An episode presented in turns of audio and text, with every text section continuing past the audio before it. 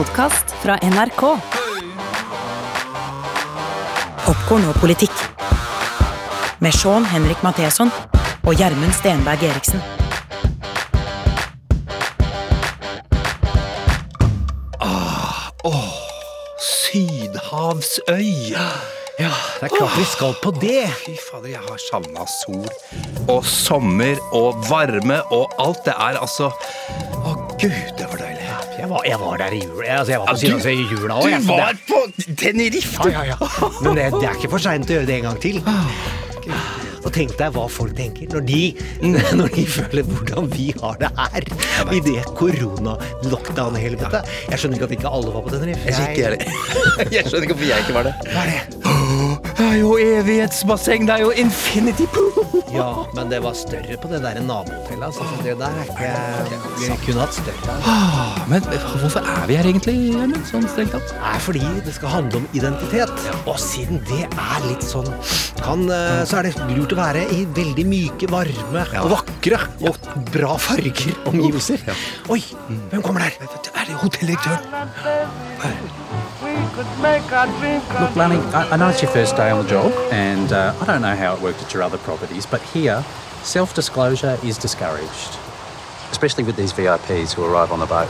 You know, you don't want to be too specific as a, as a presence, as an identity. You want to be more generic. Generic. Yes. You know, it's, it's a Japanese ethos where we are asked to disappear behind our masks as pleasant, interchangeable helpers. It's tropical kabuki. Tropical kabuki. Men det er jo helt nydelig. Det er greit, men populærkulturelt så må du oversette for meg. For jeg, det ordet har jeg hørt utrolig mange ganger, men aldri fått under huden. Det er en sånn japansk eh, teaterform, eh, scenekunst, eh, veldig sånn stilistisk med masker, og det er helt vakkert. Det er veldig sånn der, veldig japansk. Ja. Det er veldig bra. For nå er vi jo inne i The White Lotus. The White Lotus fra HBO. Ja, det er en svart komedie. Ja. Og det er en veldig god svart komedie som vi trengte kulturpolitisk og kulturelt og identitetspolitisk, det vi skal snakke om i dag, som den brennbare, så er den utrolig elegant. For den tar folks ulike etnisiteter og kulturbakgrunner på mye mer alvor enn det vi har hatt tradisjon for i dette klassiske upstairs, downstairs sitcomen. Tenk Faulted Hours. Jeg elsker det, og jeg vil ha El Manuel! Han skal få juling resten av sitt liv, men det hadde vært litt vanskelig å lage det i dag. Må ikke fjernes fra BBC. Det er ikke fjernet fra BBC. Du kan ikke si I come from Barcelona uten å være fra Barcelona lenger. Nei, jo, det kan du, men det, det, det, Jo, men den her tar da og gjør alt det riktige, og så klarer han jo da å uh, gi disse ulike er, det er feite folk der, det er homofile, det er masse issues opp og ned, og ulike etnisiteter, og de får sin egen linje, hvor du ikke liksom Hovedpoenget er at nå skal vi eh, reagere på at de er fremmede. Det er veldig elegant og veldig fint. Og så er det en elegant måte å komme med litt sånn identitetspolitisk kritikk til selv hvite hissige menn, som det er mange av på internett, i den aldersgruppa vi er, mm. så ler de, og så får de Selv om det, en, den eh, hvite mann får seg Jeg kjente meg ordentlig drøyt godt igjen. Jeg vet. Jeg vet ikke hvor personlig vi skal være. Nei, bare- Men bare- jeg, jeg, er det. mann 48 får seg en trøkk. Ja, og, og godt pakka inn. Jeg vil si eh, ikke veldig u... ikke veldig tydelig pakka inn. Jo, egentlig. Ja, lite grann, Ja. Hør eh, her. Det som du får midt i fleisen ganske tidlig, er eh, en fabelaktig god skuespiller eh, som viser enorme testikler Are they bigger? Midt i kamera og sier eh, følgende. I haven't seen them in a while. Nicole, they're fucking huge. huh. I wonder what's going on. It's cancer. I have testicle cancer. Det var eh, litt av et syn. Jeg ble litt overraska over det grafiske der, må jeg si, da jeg så serien. Men det er et utrolig tydelig signal. Du, her skal vi kle av den hvite mannens eh, vår, på vår alder sine mer patetiske sider. Uh, og i- ikke et vondt ord om testikler, egentlig. Nei, de er fine. Men det er omstridt om det er vakre. Du skal være interessert for at det skal være vakre. Uansett. De skal jo snakke om noe som egentlig er veldig varmt, hardt, vondt og mørkt, og som lager enorme følelser. Identitet. Ikke testikler nå. Nei, nå skal vi gå vekk ifra testikler. Okay, takk. eh, fordi nå har menn eh, 48 sagt ordet mange nok ganger til at vi lekte med at vi turte å Jo, jo, men det er herregud, det er jeg som dro i gang. Og da skal jeg uh, verve litt ned, som det heter på svensk. Ja. For det identitet handler om selve Det handler om selvoppfatningen til den enkelte. Og skal ikke gå gjennom alle sider ved dette, forskningsmessig, kulturelt og i de ulike fagtradisjonene, som problematiserer dette, og har gjort det i et århundre. Eh, Men det er sterke krefter. Det å frarøve dine egne tanker om deg selv, hvordan du binder deg selv sammen, det er veldig nært og veldig privat. Og det skaper jo da en del type dynamikk som er veldig menneskelig. Og der er min, eh, mitt kompass i livet. Ha omsorg med de som ligner minst deg selv. eh, de som det er færrest av. Eh, og det er den minoritetsforsvaret som vi kan snakke om. Identitetspolitikken, det å utnytte folks følelser knytta til identitet, er et enormt industrielt kompleks i USA. Det er et lite industrielt kompleks, vil jeg si, i Norge, men det er fortsatt det. Og da er jo der pengene ligger, ligger jo på høyresiden. Mm. Det er Fox News har nærmest burde hete Identity Politics News. Spiller på frykten for at du mister deg selv. At du mister at den kulturen du kommer fra, den er truet, og det framviser den andre. Og så er det en annen emosjonell reaksjon, som utrolig forenklet, men en av mine beste venner, som, hadde, som jeg trodde jeg kanskje kan snakke med som psykolog, men som da lærte meg at Gjermund, terapi for jeg. venner. Ja, ja. Han heter Christian Slytter. Han er eh, personlighetsekspert og psykolog, eh, og kan utrolig mye om hva som driver eh, emosjonelle, uheldige reaksjoner. Eh, og så si, eh, har jo han vært i flere podkaster. Pia Psyken, én om offerrollen. Og hva vil det si når en minoritet, de som er i mindretall, reagerer og låser seg og går aggressivt ut. Det som er, og vi snakka om primærfølelsene før, da får du sorg, du får sinne. Og så har du en viss dose av skam, som ikke nødvendigvis er berettiget at du har, men det er vondt å hele tiden bli påpeka at du er ikke som alle andre, og at du syns det er rart. Det irriterer oss. og det er den andre siden av eh, spekteret i identitetspolitikken. Det å få trigget dem er jo nærmest en idrett og en industri i identitetspolitikk. Så det tar to sider for å drive tango, men jeg mener at den som leder an i dansen, og her er jeg ideologisk, kan man godt si, men jeg har jobba med identitetspolitikks mørkere sider i, eh, i et tiår, og før det levde jeg av å utnytte det i reklamebransjen. Prøver jo alltid å tilby et merkevare for å eh, stimulere selve eh, til å føle at dette er en del av din identitet. Det er jo det vakreste du kan få til for Coca-Cola. Altså, jeg er en Coca-Cola-person. Jeg er jo ikke det. Så det var det, Pepsi Max trigger. Flau. Flau over det. Uansett. Betyr jo ikke at noen reagerer, må vi tåle. Eh, altså når de er i min, et solid mindretall. Og at de er uh, roper litt, det mener jeg at vi må tåle. Ja, men bare, bare før noen eh, skal vi si, hissige fra NNXX, kall det hva du vil. Altså samme, eh, Begynner å jazze med at vi er imot ytringsfrihet og religionsfrihet eh, og alt det greiene der. Så, eh, eller forsvare cancel culture. Vi gjør ikke det. Vi, vi, vi bare vi må få lov til å snakke om dette her og stille, være nysgjerrige. Ja, og vi er veldig for Ja. at uh, altså humoren skal være fri. Ja. Uh, det er, men det er lov å si at noe er dårlig smak. Ja, det trenger ikke like alt, Det trenger ikke Nei, like og du liksom. er ikke cancel culture Nei, nei. om du mener at eh, det programmet der ikke bør være på lufta. Du skal mene det. Ja, men ja, men Kan vi ikke ha litt humor, da, på, på, det, på det å være krenka? La oss le av hvordan eh, gode, gamle herregud Monty Python henger ut de som ikke tåler eh, at det sies Jehova, for eksempel. Ja, det, er- det, det syns jeg er et veldig godt eksempel, eh, og det lever jo veldig godt av. Alltid. Ja. Og så er det jo viktig å huske på, alltid der, når vi ler av dem som ikke tåler å høre det, dette ble da forbudt i Norge. Det er viktig å huske. Dette ble da forbudt. Må aldri glemme. Matthias, son of Deuteronomy of Gath, Do I say yes? Yes. Yes. you have been found guilty by the elders of the town of uttering the name of our Lord, and so as a blasphemer, you are to be stoned to death. Look, I'd had a lovely supper, and all I said to my wife was that piece of halibut was good enough for Jehovah. Blasphemy! He said it again! Did you hear him?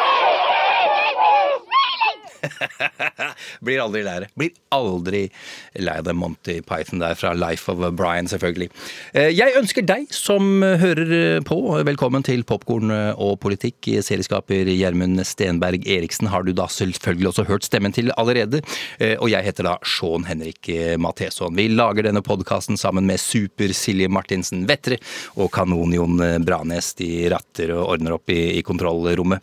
Vi snakker om politikk rundt omkring i verden. TV-serier, filmer, og det er jo da mye like ting som foregår i disse to sjangerne, for å, for å si det sånn. Og i dag altså skal vi snakke om ja, noe som kanskje er litt følsomt og vanskelig. Woke, blant annet. Det syns jeg er vanskelig å forstå her, men jeg må bare si det. Er det greit, liksom, for deg? Jeg, jeg syns det er vanskelig. Ja, jeg, jeg, har jeg det er levd, vanskelig. jeg har levd ålreit godt med det i eh, 20 år. Ja, men nå kan vi ikke leve med det lenger. Vi må vite hva det er. Ja, ja, vi kan prøve å komme litt vi- inn i det. Litt inn i det. Ja, vi må gjøre det. Eh, Vi skal også gjennom eh, rasisme i USA og Norge og Skandinavia for så vidt, eh, og se litt på forskjellene. Og vi skal snakke om eh, kjønn, og hvordan alle disse tingene påvirker da samtalen og politikken. Som sagt, eh, følsomme ting, en og annen felle vi kan gå i, men vi skal eh, være obs på dette her, og gjøre så godt vi kan. Jeg garanterer at vi En av fellene, altså Noen feller kommer til å klappe igjen, og det kommer til å være revesaks og bein. Oh. Ja, jo, vi må ikke be folk leite etter, så vi sier at det har skjedd. Det har skjedd. Det har skjedd, og så går vi videre. Tre deilige forretter. Det har vi selvsagt skjerping av appetitten.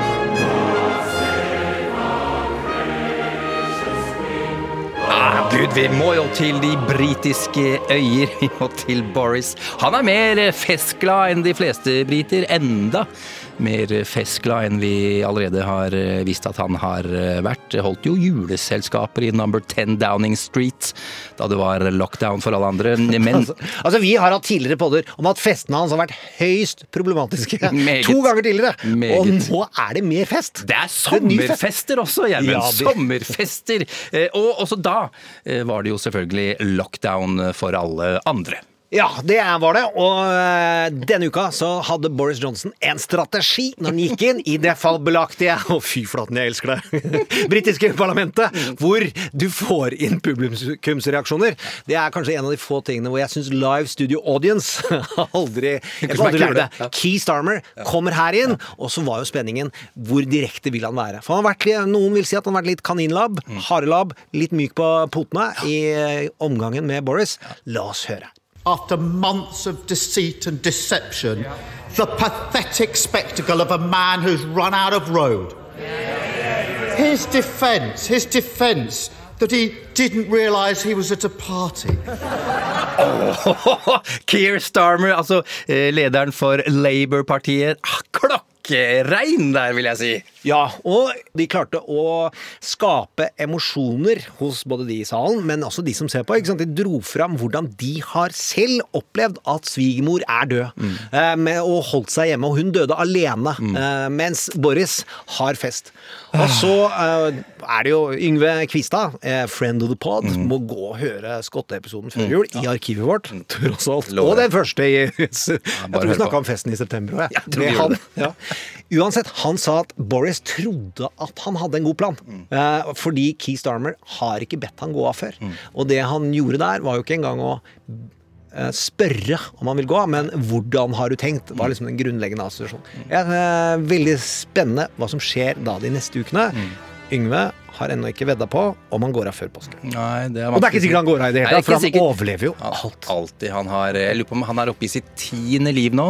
Eh, De ni kattelivene er brukt opp, men eh, kanskje han har noen superpowers som gjør at han har 10, 11, 12, 13. Ok.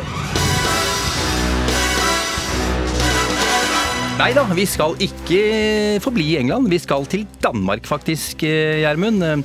Ja, spionvirksomhet. eh, Og for danskene er en bombe eh, i spiontjenestens virke omdømme godt av, eh, som danske medier har skrevet. Det var altså Danmarks øverste sjef for Forsvarets etterretningstjeneste har blitt satt i fengsel! Han skal ha lekket hemmelig informasjon og høyt klassifiserte opplysninger som kan skade Danmarks sikkerhet og forhold til andre makter. Det er ganske vilt, det Gjermund. Han kan bli dømt for landsforræderi, for tolv år i fengsel. Den paragrafen har ikke blitt brukt på 40 år for øvrig. Hva ligner dette her på? Arne Treholt var spion! Hvis jeg skal ri en gammel kjep- kjepphest. Nei, Jeg det her vet vi er ikke. Det her vet vi ikke. Dette lukter politikk Ja. i den forstand at vi vet jo ikke hvorfor han er bura inne, og hvordan det har fungert. Det blir veldig spennende å følge. Han hevder sin uskyld, det må sies. Om dette handler om en maktfeide innad i dansk etterretning, eller om det handler om i, i forholdet til eh, øvrige kontrollorganer, det veit vi ikke. Men at dette ligner på fiksjon, og at dette har vi ikke eh, Det ligner ikke på virkelighet. Altså det Homeland, spoiler alert, der har du noen veldig ærbare sjefer som blir bura og satt i håndjern en del ganger. Det er ikke få spionfortellinger hvor du får lurt en nestleder og en etterretningssjef opp i stry, men at det skulle skje i Danmark, og det man spekulerer i, ikke sant, det er USA.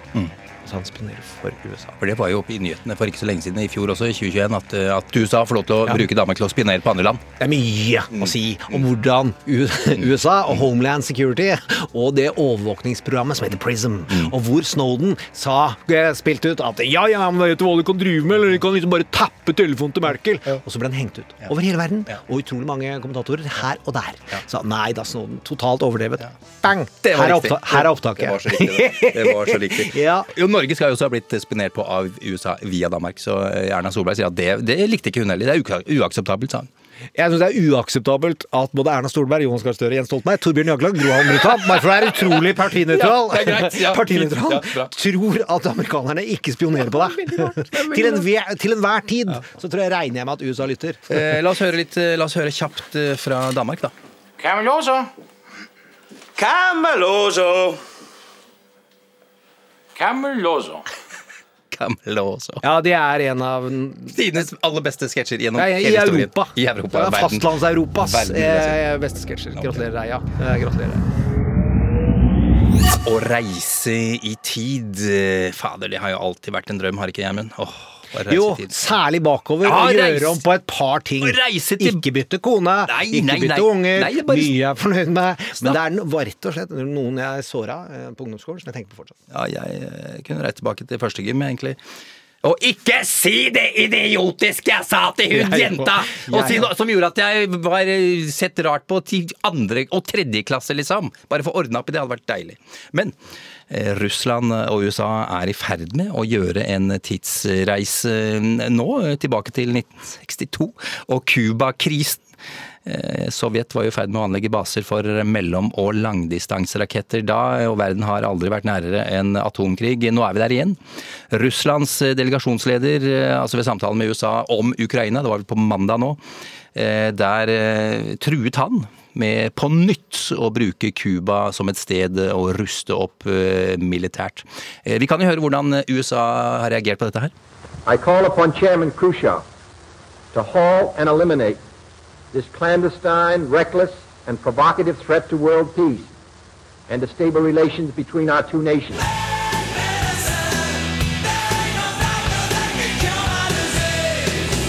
Ja, og det er Og det kan jo virke som det er eh, Vladimir Putin som har blitt high on his own supply.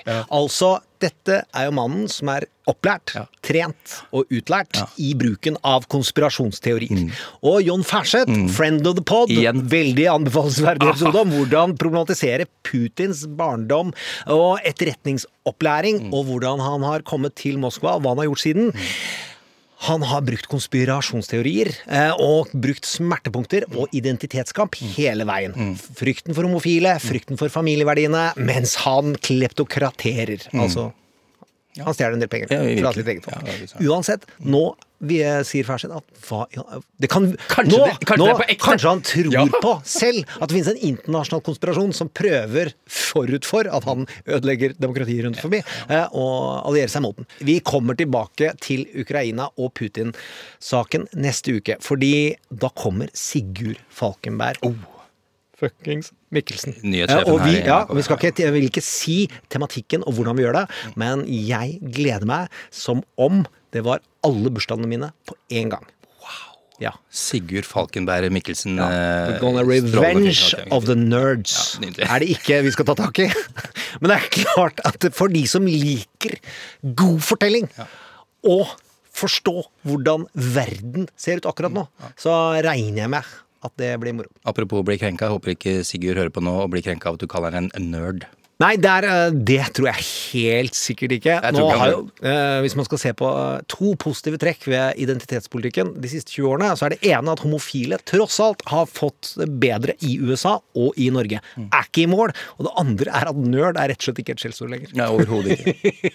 Men det var det til tidlig 2000. Get those nerds! Nerd! Nerd! Jeg minner deg på at vi er jo en podkast. Det betyr at vi er tilgjengelig hele tiden på øh, NRK-plattformer. Det vil si appen NRK Radio. Du kan høre, vi kommer jo ut på fredager, men der ligger jo hele arkivet vårt. Ja, Gå og hør ja, ja, på ja. Trump mot verden. Jeg er stolt av utrolig mange sendinger. Veldig. Kommer tilbake til det i slutten i dag. Det er Veldig. noen ting jeg syns folk kan høre litt om igjen, hvis Veldig. lurer på hva vi mener om identitetspolitikk. For det, det er klart, nå går vi inn, og det kan tenkes at det kommer en eller annen, eh, og at vi gjentar en eller annen eh, feil som noen har gjort. Eh, og det har jo R.E.M. lagd en sang om. eh, at det skal vi også prøve å tilgi.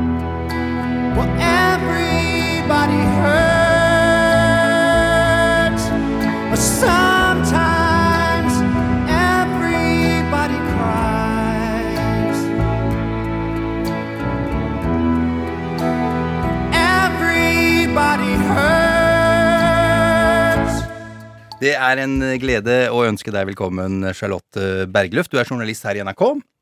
Ja, takk for invitasjonen. Ja, Det er bare hyggelig. Du er utenriksjournalist i Urix eh, blant annet de siste par åra. Kan vi si det, Charlotte? Så har du vært opptatt av oss eh, mennesker. Eh, Det har du alltid vært, jeg mener ikke å si noe annet. Men du har fokusert på de nære relasjoner. Ja, jeg har eh, valgt å gå fra de internasjonale til de nære relasjoner, fordi vi ser jo hvordan storpolitikken påvirker oss helt inn uh, Mm. til det næreste. Uh, I en tid der vi er veldig eksponert for det som skjer i USA, både gjennom populærkulturen, gjennom nyheter og ikke minst gjennom de algoritmene som trigger sterke følelser i oss. Ja, Og spesielt hos generasjon Z. Ja, Hvem er generasjon Z? Det er de unge, Ja. og det er de vi skal ta til oss, løfte opp og lytte til. Ja, det er, det er jeg helt enig med. Det er viktig. Eh, I november i fjor så, så lanserte du et eh, arbeid som fikk mye eh, velfortjent oppmerksomhet, eh, og som du hadde jobba med i lang tid, eh, nemlig Singel-Norge. Det anbefaler jeg deg som hører på, å lese på nrk.no. Og der fikk du, og vi, mye solid innsikt, blant annet i, i hvordan mennesker identifiserer seg selv. En annen ting du oppdaga, er hvordan vi da, på et vis da, kanskje oversetter strømninger som skjer i andre land, eh, USA eh, spesielt kanskje, direkte til forhold eh, i Norge. Rasisme, for eksempel. Woke. Kanselleringskultur er eh, andre eksempler.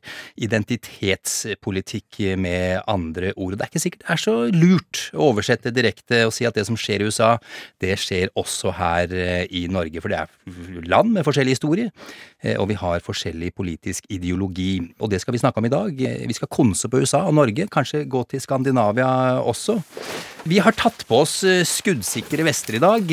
Eh, Du kommer inn her med fullt eh, brannmannsutstyr, Charlotte. Det står 15 brannslukningsapparater klare i studio. Tuller jeg Takk litt og lov for det. Takk og lov. Men tuller litt nå, selvfølgelig. Men, men det er jo Ja, hvis folk føler seg støtt, så er det bare å sende klage direkte til Kringkastingsråd og med kopi til VG, så vi får oppslag og spredning rundt podkasten. Det er sånn krenkeøkonomien er. Ja. Nemlig vi, Det er ikke det, vi spøker, men så hvis vi eh, går tråkker på noen tær Ikke gi oss den reklamen. Eh, Bare ta med ro, og gi, tolk oss med gode intensjoner. Jeg trodde du eh, vi sa egentlig nå at all eh, oppmerksomhet er god oppmerksomhet. Jo, vi er tjent med det, det mener jeg, men jeg syns ikke vi fortjener det. Det er, ikke noe, det er feil bruk av energi. Vi prøver å komme til forståelse her. Og for Ikke- meg så er de henvendelsene faktisk veldig viktig. Ja. For det gir meg innsikt. Det åpner mine blindsoner. Og gjør at jeg klarer å se ting som ikke jeg nødvendigvis ser i min hverdag, og i hvert fall ikke som utenriksjournalist, hvor jeg sitter og ser ut, og har sittet og sett ut i 20 år. Og så skjer det altså ting her i Norge. Det skjer ting med de yngste, med de kommende generasjoner, de som skal bygge landet, og de må vi lytte til. Og så må vi prøve å gi dem en trygg arena for diskusjon om disse temaene som er blitt så betent at vi sitter her med hjelmene på. Ja, rett og slett. Med andre ord, det er følsomme ting vi skal snakke om i dag. Og mine felt, jeg vet ikke. Kan det begynne å brenne? Jeg vet ikke. Men jeg tror at vi skal være trygge på at det er lov å være nysgjerrige, og at vi kommer oss eh, rimelig greit eh, gjennom. Vi skal snakke om woke, blant annet. eh, Og det må jeg innrømme at jeg syns det er litt vanskelig å forstå hva er. Jeg vet ikke om det er, har noe med at jeg er en mann i, i 50-åra, være litt fælt å si, egentlig, hvis det, hvis det er tilfellet. Men eh, Charlotte, kan ikke vi bare få det på det rene en gang for alle, egentlig? Hva er woke? Ja, Som en mann i 50-årene eller ei, så tror jeg det er veldig mange som har det som deg. Som syns det er vanskelig. For dette her utfordrer oss ikke bare intellektuelt, men følelsesmessig. Vi må ta alt i bruk for å forstå. Og og woke har jo truffet oss her hjemme i steinrøysa i Skandinavia uten at vi kanskje helt har forstått da hva det handler om i USA, i et amerikansk perspektiv, ikke minst hvordan det påvirker dynamikken der, og hva som er relevant i et norskt og skandinavisk perspektiv, da. Men dette er så interessant, eh, så her må vi bare holde tunga rett i munn, og ta inn over oss eh, all sorgen vi ikke ser, eh, lytte. Eh, og da kan vi jo begynne med å bare se litt sånn rent historisk. Men du sier sorg allerede nå. Ta inn over oss sorg eh, i forbindelse med woke. Hva mener du med det? Eh, Det er mye smerte. Ja. Folk bærer på mange ting, mange spørsmål. Det sitter i genene våre òg, historisk, altså. Og hvis vi ser til USA, da, så dukket jo dette woke-perspektivet og det begrepet opp eh, på 1930-tallet. Stay woke, altså vær på alerten, vær årvåken overfor fordommer, diskriminering, forskjellsbehandling av svarte i USA. Under den verdensomspennende borgerrettighetskampen eh, i det forrige århundret, da, som det jo nå er nå, eh, så sto jo denne kampen mot rasisme og diskriminering høyt i USA, med kjente figurer som Martin Luther King i spissen, som vi alle eh, kjenner til. Eh, mens vi her, på samme tid, opplevde også frigjøring. Vi opplevde kvinnefrigjøring, vi opplevde homofili eh, frigjort. Eh, med eksempel Kim Friele, i spissen for den bevegelsen. Vi, vi tok noen store steg der. Så går woke, eh, dette begrepet, viralt for bare noen år siden, parallelt med Black Lives Matter. Og det er egentlig denne generasjonen sett som omfavner det, for de ønsker å vise sin støtte, sin motstand mot rasisme, uavhengig av hvem de selv er etnisk sett. Og så, på denne woke-bevegelsen, hektes da flere identitetsmarkører. Vi får kjønn, legning, funksjonshemming, klasse, ikke minst, og nå også de siste årene aldersdiskriminering, ageism, som kanskje dere vil føle på om ikke så lenge. Da skal jeg gi deg en følelse Den dagen jeg begynner å føle det, da kommer den andre følelsen og overstyrer, nemlig skam! Ja. Hva er skam? den- Nei, jeg er så utrolig lei vil- på folk på min alder som jeg føler seg forbigått. Det, er- det er ikke et problem i Norge at folk ikke har gitt seg tidlig nok. Nei, og, ikke sant? og som politisk bevegelse da, så blir jo dette ofte referert til som identitetspolitikk. Der de politiske analytikerne jeg prater med, de sier at det som foregår i USA er et opprør mot, og en forlengelse av, den angloamerikanske liberalismen. Og hvorfor ser vi da nå denne woke-bølgen rundt omkring? Jo, fordi vi har fellesskap som er under press. Nasjonen er under press. Altså der hvor vi tradisjonelt fant hverandre som de flokkdyrene vi er. Eh, de er under press, og da vil vi eh, søke fellesskap andre steder. Og nå er det da sånn at noen i det naturlige ting det er å, å ønske anerkjennelse for det individet du er, hopper inn i ulike kategorier for å få den anerkjennelsen og føle seg hjemme. Men ikke press snakker om da, bare for å være tydelig på det, Charlotte? USA er en nasjon som ble skapt av religiøse flyktninger i Europa som søkte en løsning på mangfoldet gjennom liberalismen, altså folk skulle få være den de er. Men i liberalismen så er det jo sånn at den som er et offer for systemet, har rett på motytelser, altså økonomiske eller juridiske motytelser. Og det vi ser nå som en sånn understrøm da, i amerikansk liberalisme, er denne kampen hvor folk dyrker seg selv fælt å si det på den måten, men som offer, altså uansett om det er på venstre- eller høyresiden, så blir det en sånn kamp om å være det største offeret i samfunnet, fordi du da har krav på motytelser, da. Hvorfor har man krav på det? Hvor kommer det fra? Nei, det er jo i liberalismens uh, Vesen? liksom, Vesen, lov- ja. ja. er en sentral del, så jeg kan ikke kommentere hele den uh, svarte og minoritetskampen i USA, for det er en ganske bred bevegelse, og det er flere kulturbakgrunner som inngår i den. Men det største kravet er jo slaveriet, og slavene, og hvordan de ble frigjort, men fortsatt ikke fikk eiendom. At de skal få eh, kompensasjon for hvordan en stor folkegruppe har blitt holdt nede og holdt ute. Mens det er ikke ene og alene for woke, det er jo en stor del av svart identitet. Hvem er det som er woke, da, Charlotte? Altså I 2016 så sa MTV News at woke er et av ti ord som dagens tenåringer burde kjenne til. Og det gjør de. Eh, generasjon Z er ekstremt opptatt av det, og det preger deres søken etter egen identitet, også i Norge. Men i USA, det som har skjedd, er jo at dette begrepet har havnet i den der giftige hengemyra som amerikansk politikk nå befinner seg i, hvor de rører rundt, og det er ytterpunktene som får oppmerksomhet, og evnen til å lytte til hverandre, og ikke minst hverandres resonnement. Eh, og den toleransen for at vi kan være forskjellige og ha ulike utgangspunkt, den synes nesten å være på en måte fjernet fra den amerikanske retorikken, da. Og da blir jo alle disse begrepene, altså woke, cancel culture, critical race theory, white privilege, Social justice warrior. ja, ikke sant, da blir det noe som fyrer noen veldig opp, mens andre føler seg fullstendig paralysert. Og det er jo dårlig nytt for et demokrati. Og det dette importerer vi til Norge. Det jeg har sett da i møte med unge i Norge i dag, i forbindelse med Singel-Norge, er jo at dette opptar unge på en måte som jeg ikke var klar over, det skal jeg være helt ærlig om. Alt fra, ikke sant, vi har kampen mot rasisme, som er stor eh, og viktig, men vi har også denne kjønnsidentitetssamtalen, eh, som også utfordrer en generasjon som skal finne sin egen identitet. Og her forteller da for eksempel eh, unge menn meg at de synes eh, det er vanskelig å delta i den samtalen fordi de som for eksempel da hvit, heterofil mann kanskje ikke har så mye man skulle ha sagt, da, fordi man har ikke opplevd den sorgen eh, som rasisme innebærer, og man har heller ikke opplevd den sorgen ved å eh, at du føler at du er født i feil kjønn. Og det er jo innmari leit at man ikke får på en måte en samtale hvor de jo tør å stille er ærlige og åpne spørsmål for å bli opplyst og forstå mer og få utvidet horisonten. Fordi hvis vi får da denne offentlige giljotinen som cancel culture for noen oppleves som, da, i sosiale medier, hvor du kan på en måte Det er bare en twittermelding unna at du blir kansellert. For det, det er mange unge som er, eh, er opptatt av og er, frykter. Noe som kanskje er vanskelig for oss å forstå, for vi har på en måte Vi er gamle. Mm. Ja, og har trådt feil. Ja. Og vi har blitt unnskyldt. Ja, for å ta, prøve å ta historie, eh, litt historie på utrolig kort flate, så var woke en del av en aktverdig opprørsbevegelse eh, og en frigjøringskamp som sto for ting, eh, ubalanser i det amerikanske samfunnet, som er til stede i dag.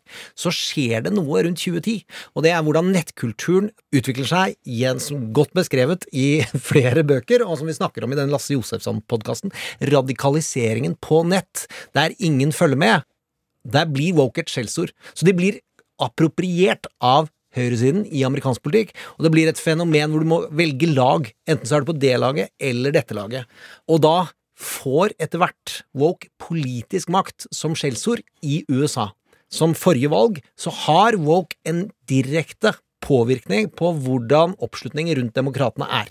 Der du hadde en aktverdig Black Lives Matter-demonstrasjon og opprør, og en tilslutning som gikk langt inn i det republikanske partiet. Politiet må oppføre seg bedre. Så kommer da Defund the Police, som drives veldig av ytre venstre i amerikansk politikk, og så blir demokratene kobla til det. Selv om ikke én politiker i det demokratiske partiet på, i Representantenes hus, eller som jeg vet om av betydning, var for å fjerne midler til politiet, så svekkes det til valget. Så er det noen som prøver å importere den stridigheten, nemlig at woke er et skjellsord, og at det finnes en svær politisk gruppe som påvirker valget og drar administrasjoners beslutninger i en eller annen retning til Norge. Og det syns jeg er rart. For det er klart at vi har kulturtrekk. Og det er jo det som har overrasket meg, og vi får jo mye e-poster, vi som jobber i utenriks, og det er jeg veldig takknemlig for, fordi da får jeg se ting som jeg ikke ser. Og en ting jeg da fikk, var en gutt i 20-årene her i Oslo. Som skrev til meg for å fortelle eh, hvorfor han tror det er så mange single, da. Og da forklarte han at han, eh, som hvit mann i Norge i dag, føler seg hatet, og hadde havnet på konklusjonen at han derfor måtte bli rasist. Og da går jeg i dialog for å se hvor kommer dette resonnementet fra. Og da ser jeg jo at han lever sannsynligvis i dette amerikanske virkelighetsuniverset, godt beskrevet her, og trekker det direkte til Norge, uten å på en måte oversette det kulturelt, historisk, ikke minst politisk. Vi er jo politisk vilt forskjellig eh, fra USA. Jeg har jo mange grå eminenser som jeg diskuterer med både i USA og Skandinavia, altså folk som føler politikken tett. Og da vil jo noen si at det er kanskje mer relevant for oss å for eksempel se til Danmark, der den tidligere innvandringsministeren Inger Stoiberg før jul ble dømt i riksrett. Altså det er historisk. Hun ble dømt eh, fordi hun hadde sendt ut en instruks om at man skulle adskille asylpar eh, der den ene parten var mindreårig. Gifte par, ikke sant? Ja, ja. og det, det kan man ikke fordi alle har krav på individuell behandling. Mm. Hva har den dommen å si for den samtalen vi har om innvandring og integrering i Norge, Sverige, Danmark? Det er kanskje mer relevant, for det er de landene vi har mer til felles med, både som velferdsstater, Mm. men også historisk og kulturelt. Jeg har jobba mye med nettradikalisering og den type identitetskamp også i Norge. Eh, Og Norden og i Europa. Og det jeg syns er viktig å påpeke når man prøver å importere woke-fenomenet til Norge, så er det hovedimporten skjer av de som er imot det. Altså de som er hissig på at noen bryr seg mer enn snittet om eh, kjønn, og noen bryr seg mer enn snittet om at vi skal ha åpnere innvandringskultur. Den hvite gutten du viser til der, på 18 år, jeg tror ikke hans sinne og frykt for at han blir rasist, er formet av møte med woke-personer, men i møte med den ganske store, betydelige nettdiskusjonen som er ganske hissig i Norge på høyresiden, hvor særlig innvandring er et av de mer splittende greiene. Det er svære nettall, altså. Det er store eh, klikkøkonomier i Norge som driver dette. Så du er ikke helt enig med Charlotte i Jo. forhold til at det ka- Jeg tror vi er helt enige. Ja, det, det er bare den andre siden. Når vi snakker om woke, så er veldig mye av lyden Mm. Av folk som misliker det. Altså, Mye av påvirkningen om hvordan woke er, Mm. skjer av folk som bruker det som skjellsord, og som har lyst til å løfte det, mener jo jeg, løfte det opp som et problem for å styrke sitt identitetssyn. Og styrkeforholdet er helt av skaftet. I USA så har woke og ytre venstre politisk makt. Det er deler av Twitter som faktisk gjør ting med hvordan oppslutningen rundt er. Ytre venstre i Norge påvirker ikke valg, og påvirker ikke politikk eller implementering av lover og regler i nevnverdig grad, og de er marginalt små i antall. Bård Larsen, som jeg elsker å diskutere dette med, bruker en hesteskometafor.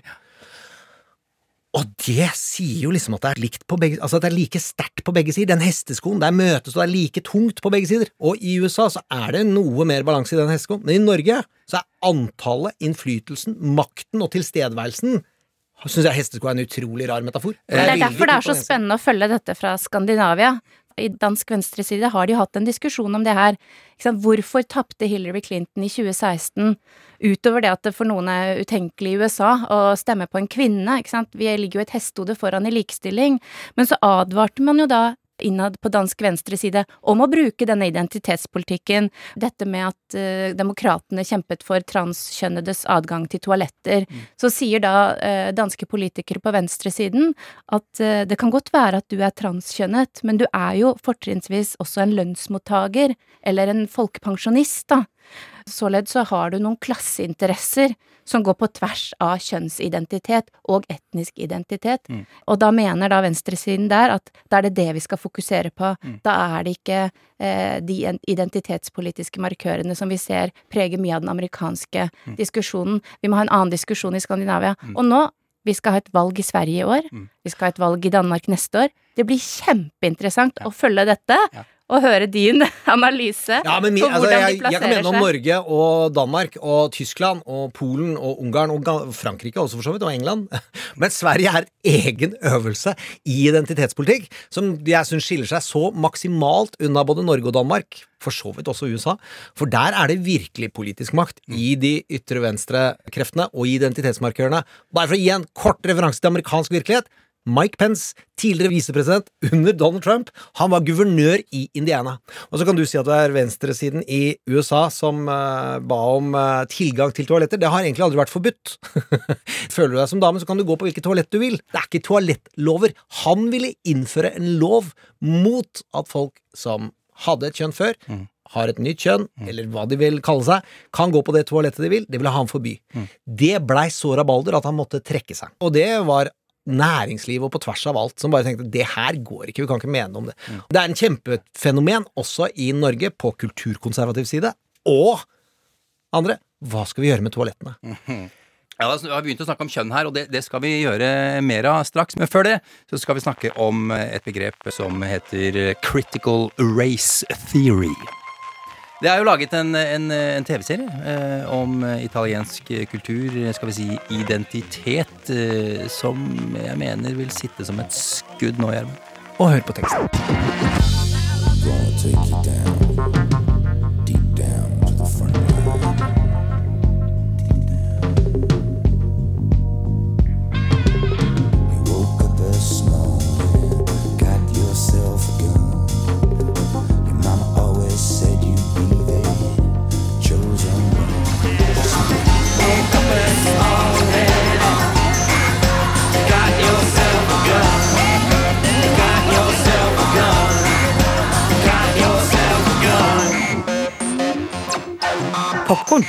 Og politikk. Vi, vi måtte jo selvsagt spille Woke Up This Morning. Elendig vits, er det ikke det? Nei, jeg, synes det er, jeg synes det er veldig morsomt. Ordspill er alltid gøy, og det er uh, generasjon Z. Få lære seg ordspillhumor! Vi kan jo istedenfor å få oss en, uh, en revolver, eh, sette ørene på stilk. Ja, bra. og lytte. Helt- helt- Det er en god egenskap. Helt eh, enig. Vi skal sammenligne oss litt med USA igjen. Eh, Der har de noe som heter, som sagt, critical race theory, og det har en eh, stor plass i den politiske diskusjonen. Eh, Kort fortalt, eh, det er eh, forskning, eventuelt en, en bevegelse som, som forsøker å finne ut av om selve lovverket i USA er eh, diskriminerende mot eh, svarte og, og fargede. Jeg vet ikke om du kan fylle ut det litt? Ja, grann, eh, det har vi jo sett eksempler på, der svarte har hatt vanskeligere for å få boliglån, eh, de har ikke kommet seg inn i eiendomsmarkedet i visse nabolag. Dette er egentlig kjent materie fra et amerikansk perspektiv. Systemisk rasisme, som vi også hører. Systemisk rasisme, som er blitt en stor diskusjon nå da, hvor problemene oppstår når høyre- eller venstresiden skal fordele skyld istedenfor å prøve å finne løsninger på disse problemene. Og så er jo spørsmålet da hva er relevant for oss i Skandinavia ved critical race eh, theory, som alle disse analytikerne jeg snakker med prøver å si. Da er det kanskje mer hensiktsmessig å se på at vi for det første må lytte til de som opplever rasisme i Norge i dag, forstå hva slags rasisme som foregår her i landet, og sørge for at vi ikke lager lover eller systemer hvor resultatet er diskriminering. Er det, kan det være en, er det en risiko vi, vi, vi Ja, er i? altså noen vil jo da peke til Danmark, da. Hvor de har nå eh, de siste ti årene delt opp nabolag langs etniske markører.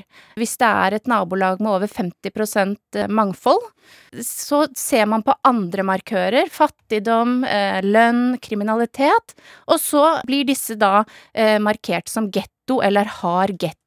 Og så har man innført egne lover som gjelder for disse gettoene. Formålet er jo å på en måte motvirke kriminalitet, segregering, den type ting, sier politikere, Mm. hvis du spør dem. Mm. Og når jeg spør de som bor der, unge annengenerasjons innvandrere, så sier de at dette oppleves ekstremt eh, diskriminerende, og det hjelper meg ikke i min vei videre inn i Danmark. Ja, Det skjønner jeg. Er det ikke også sånn at eh, de risikerer å bli tvangsflyttet til andre nabolag? Jo, med de lovene Ja. som de innførte for et par år siden, så eh, pågår det egentlig nå en kjempe flyttesjau som vi bør følge nøye med på, for dette er jo et eksperiment. Ingen vet om de vil lykkes i å få en ny dynamikk i Danmark, eller om dette her vil skape større problemer. Men, men det er jo rystende å høre. Det er nesten så jeg ikke tror det du forteller. Altså For meg så blir på en måte det mest eh, interessante der er å se på språkbruken igjen, da. Hva gjør det når du innfører et begrep som getto? Mm. I Sverige så snakker de om prioriterte områder. Eh, De har ikke noe mindre utfordringer der. Bare om CRT, som er liksom eh, Fox News-forkortelsen, for å få maks utskjelling ja. ja. av det ordet, for mest mulig sinne på kortest mulig tid, så kan man ikke si hele. Det er jo en teori. Det er jo det viktige ved det ordet. Det er blant legal scholars. Det er en akademisk tilnærming til å forstå samfunnet. På samme måte som marxisme studerer forholdet mellom kapitaleier og arbeidstaker, så er critical race theory et ønske om å forstå hvordan kan vi bryte opp strukturene og se på uheldige ubalanser gjennom hvordan noen etnisiteter har blitt behandlet. Så er det jo blitt brukt som akkurat det samme som woke et skjellsord som mest i USA, altså, i hendene på Fox News. Eh, og fra sommeren og fram til nå så er det hovedkampanjebudskapet nærmest er hvordan CRT implementeres i barne- og ungdomsskoler, og du får lovforbud om vi må beskytte barna våre fra å bli kalt rasister. Det har aldri blitt foreslått at det skal implementeres noe CRT i barne- og ungdomsskoler eller videregående i USA, men det fungerer jo da glimrende for identitetskampen, men mer for høyresiden enn at CRT har blitt implementert som praktisk politikk. Nei, men det er jo ikke noe tvil om at dette også forbys å, si, forske på og snakkes om i stat etter stat i USA. Ja, det er et eklatant og grusomt brudd på akademisk frihet. Ja, nettopp. Og det kan vi ta en annen sending om. Og det er jo det, det, som er- er tragedien i USA, at du får en rekke begreper som folk legger helt ulike assosiasjoner inn i, Mm. og så klarer de ikke å snakke om hva det faktisk handler om. Som journalist så er jo det mitt store privilegium, at jeg kan stille de dummeste spørsmål, men det er jo ofte de som også gjør at jeg ser resonnementet bak. Og det er jo det vi trenger å høre. Hva, hva er resonnementet bak det standpunktet du har havnet på? Mm. Vi har jo veldig velfungerende demokratier her som gir oss det utgangspunktet. Mm. Eh, Jeg syns det er litt trist hvis da den kommende generasjonen tviler på det demokratiske grunnlaget vi faktisk har da, her i Norge til å snakke sammen. Mm. For vi står veldig stødig i det demokratiet, men vi skal ikke ta det for gitt. Mm. Vi må kjempe for det demokratiet vi nyter godt av Mm. hver dag. Er det her woke kan komme inn og ødelegge for det? Jeg tror ikke woke kan ødelegge hvis man ser på woke som at du skal være årvåken og være på alerten for overtramp. Mm. Hvis det er budskapet vi tar med oss, så eh, kan woke få en kjempefin eh, dynamikk her, men spørsmålet er jo om identitetspolitikk er det vi skal drive mest med. Altså, når vi snakker om strømpriser, er det da relevant hvilket kjønn jeg har, eller hvilken etnisk identitet jeg har? Vi skal drifte en nasjon her, så på samme måte som et borettslag, så må vi på en måte kunne komme til enighet om hvordan vi skal løse ting, uavhengig av hvordan jeg ser ut. Ja. Woke er uendelig langt fra å være et problem for det norske demokratiet.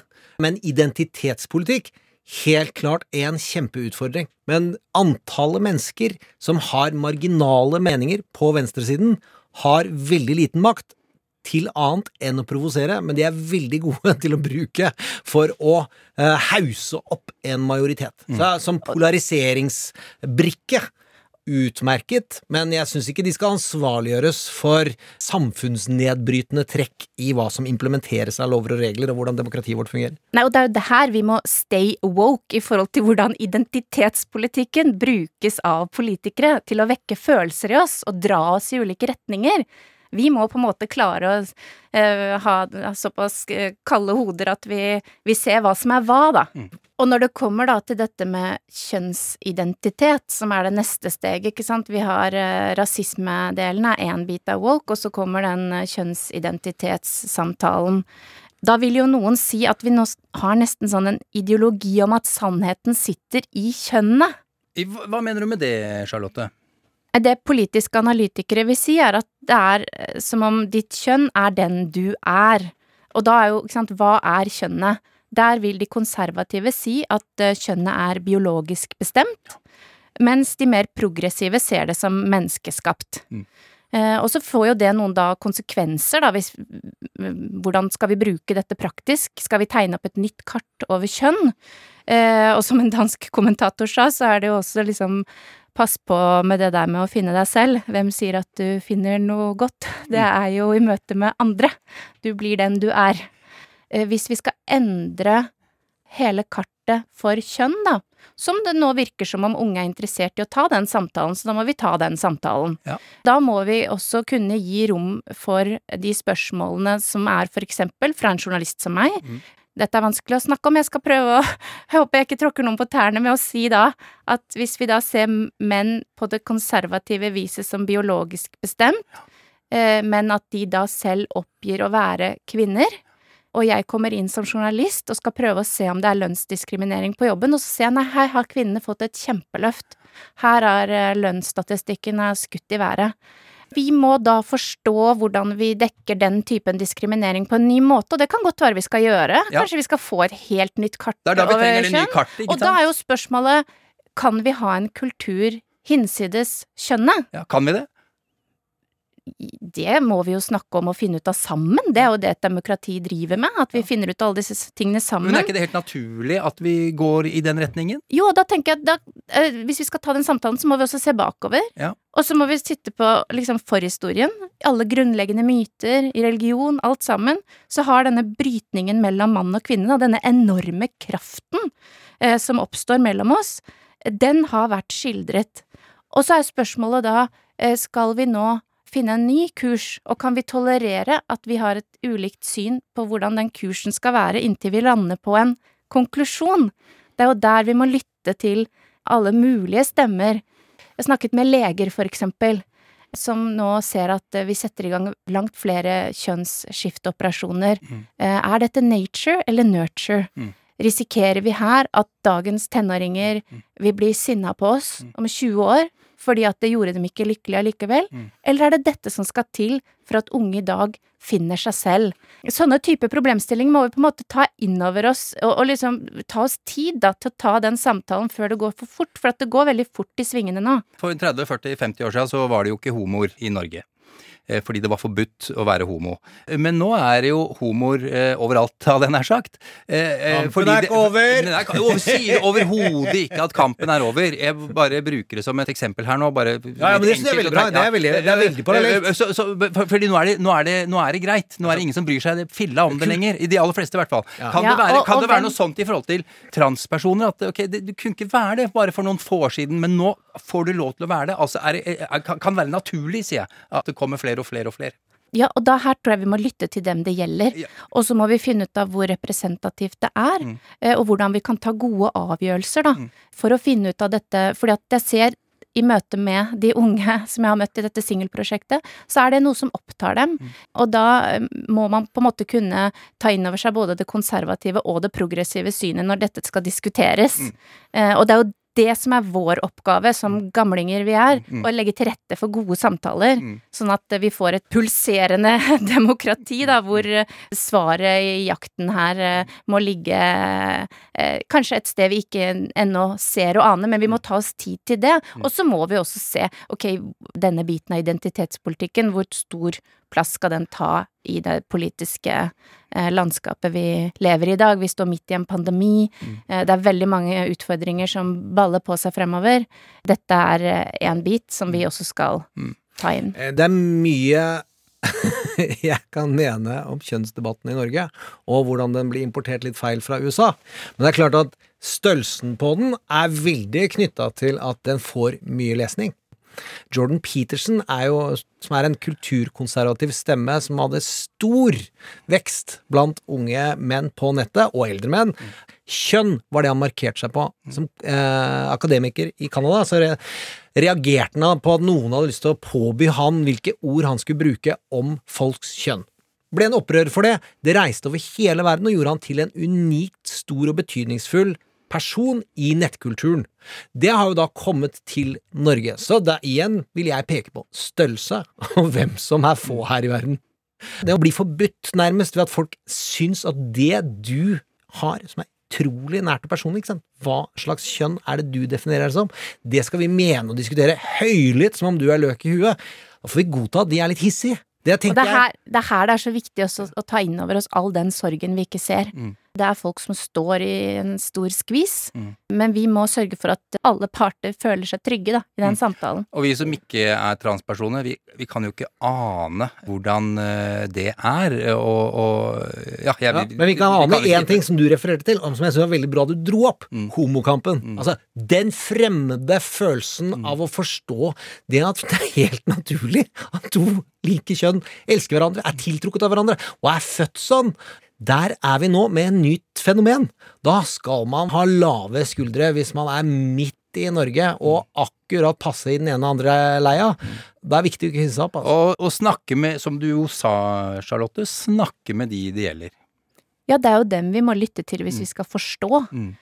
Du ble slått ned på Mysen hvis du var homo når jeg vokste opp. Ja, all, altså, det er men, vold. Men, men lovverket, jo, for all del. Jo, jo, men men bare, bare husk på at det er ganske Det, det var vold eh, mot homser på Mysen eh, tidlig 2000-tall. Altså. Det er jækla sterke følelser hos de som møter det fremmede. Mm. Og der har jeg utrolig liten respekt for at folk ikke klarer, som voksenpersoner, Mm. å møte det fremmede med lave skuldre. Ja, og det, det er på en måte det viktigste her, er jo det at man ser at fordi det handler om identitet, så blir folk fort presset. Hvem er jeg? Hvem skal jeg være i forhold til dette? Og da er det veldig viktig at man tolererer at eh, man kan ha ulike syn, da, fremfor å gjøre sånn som du sier, at man begynner å frykte og gå til motangrep. Og her har jeg liksom en sånn drøm om at vi kan bare gå bort ifra den derre opposites attack som vi står i nå, og få litt mer opposites attract, da, siden jeg har jobbet med Singel-Norge og Altså, det er noe med å være kjærlig nysgjerrig på hverandre, prøve å forstå hva som foregår i andre. Eh, Da utvides horisonten, og, og verden blir så utrolig mye større og mer interessant og spennende.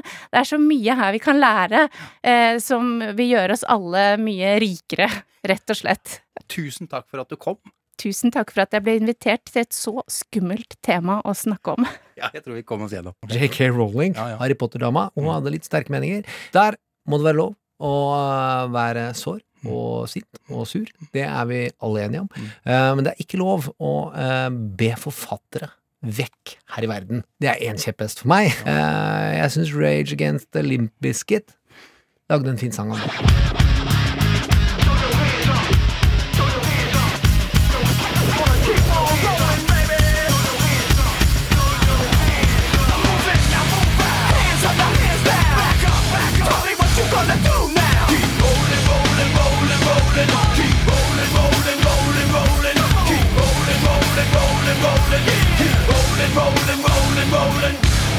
Gjermund, jeg gleder meg allerede til neste uke. Ja, det Jeg sier rett ut, det. Ja. Ja, men det gjør jeg òg, ja. og det syns jeg man skal. Ja, det er fint. Og så det blir Sigurd Falkenberg, Ja, ja. eh, til, om ikke noe jækla stort skjer i verden. Han, han, eh, Det har skjedd før at han ikke har kunnet komme, liksom, og det er sånn er det bare. Ja, og da var det noen som var fanget i et annet land Ja, av hans ansatte. vet det, det var i Qatar, disse to journalistene. Uansett, Ja. Mm. Anbefale oss til venner og familie, og hvem som helst. Eh, Vi er jo veldig stolt og fornøyd med at vi får lov til å underholde om noe vi syns er viktig. Mm. Eh, Og der tenkte jeg at helt slutt, bare sånn det er sagt en gang til. Mm. Identitetspolitikk har hatt effekt i USA og i Norge, og brukes nå Mm. til å rive land i Europa fra hverandre. Det var det Altså, det er hoveddriveren for det som førte til stormingen av Capitol Hill. Og husk, det er det som forklarer mye av et visst terrorangrep for ti år siden. Eh, og i sommer så skrev noen på Benjamin sin gravsted. Det er ikke lyst i Norge ennå. Nei. Vi må ikke eh, undervurdere disse kreftenes tilstedeværelse i vårt eget land. Og Benjamin Hermansen som ble drept for omtrent ja, 20 år siden. Ja, og folk bør forstå hvor kraftig og potent det er. Og jeg vil jo rett og slett bare anbefale et par episoder hvor vi har snakka om det tidligere. Fight Club-episoden, som ligger i Popkorn og politikk eh, i radioappen, eh, handler om hvordan Fight Club og identitet eh, kan leses på i et høyreekstremistisk perspektiv. Det jeg syns også ord har betydning. Og om fjoråret, om etter storminga av Capitol Hill, syns jeg det var veldig interessante ting vi fikk snakka om, om hvordan dette utnyttes og spilles på. Og sommeren 2020 så snakker vi om QAnon-bevegelsen og konspirasjonenes betydning, og hvordan de har voldelige utslag, og hvordan konspirasjonsteorier, om det er Vladimir Putin eller mørke krefter, hvordan de har blitt utnyttet over tid. Syns man kan høre på det også, for å ta inn at dette er enormt potent og er ikke over. 30-40 av amerikanere tror litt på QAnon-konspirasjon. Bare nevner det. Det har alltid vært en stor andel. Nå er den enorm. Eh, og har omsorg for de som er i mindretall. Det er lov å være sinna, og det er lov å si fra hvis du syns at noen tråkker på tærne dine. Det betyr ikke at de kansellerer deg. Slapp av. Og ha litt omsorg med at noen opplever noe nærere enn deg. Og jeg syns det kan være litt svett å spille Lillebjørn Nilsen, barna av regnbuen. Eh, men eh, jeg blir aldri lei av å høre Anne Brun om True Colors. You with the sad eyes. Don't be discouraged, though I realize it's hard to take courage in a world full of people. You can lose sight of it all. But the darkness inside you can make you feel so small. And I see your true colors shining through. I see your true colors, and that's why I love you. So don't be afraid to let them show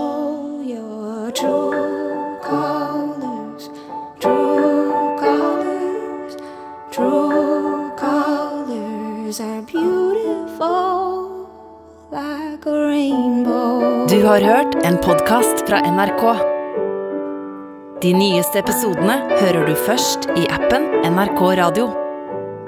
En podkast fra NRK. Operasangeren Kirsten Flagstad ble kalt århundrets stemme. Verdensstjernen ble uthengt som nazisympatisør og forfulgt av den norske stat. Hun måtte kjempe seg tilbake med bare stemmen som våpen. Bli bedre kjent med historiens største personligheter i ny podkast. Mahatma Gandhi var advokaten som ble fredsapostel. Han førte en iherdig kamp mot rasisme og for et samla, uavhengig India. Coca Chanel var en kvinne som spilte med de kortene hun hadde for hånden.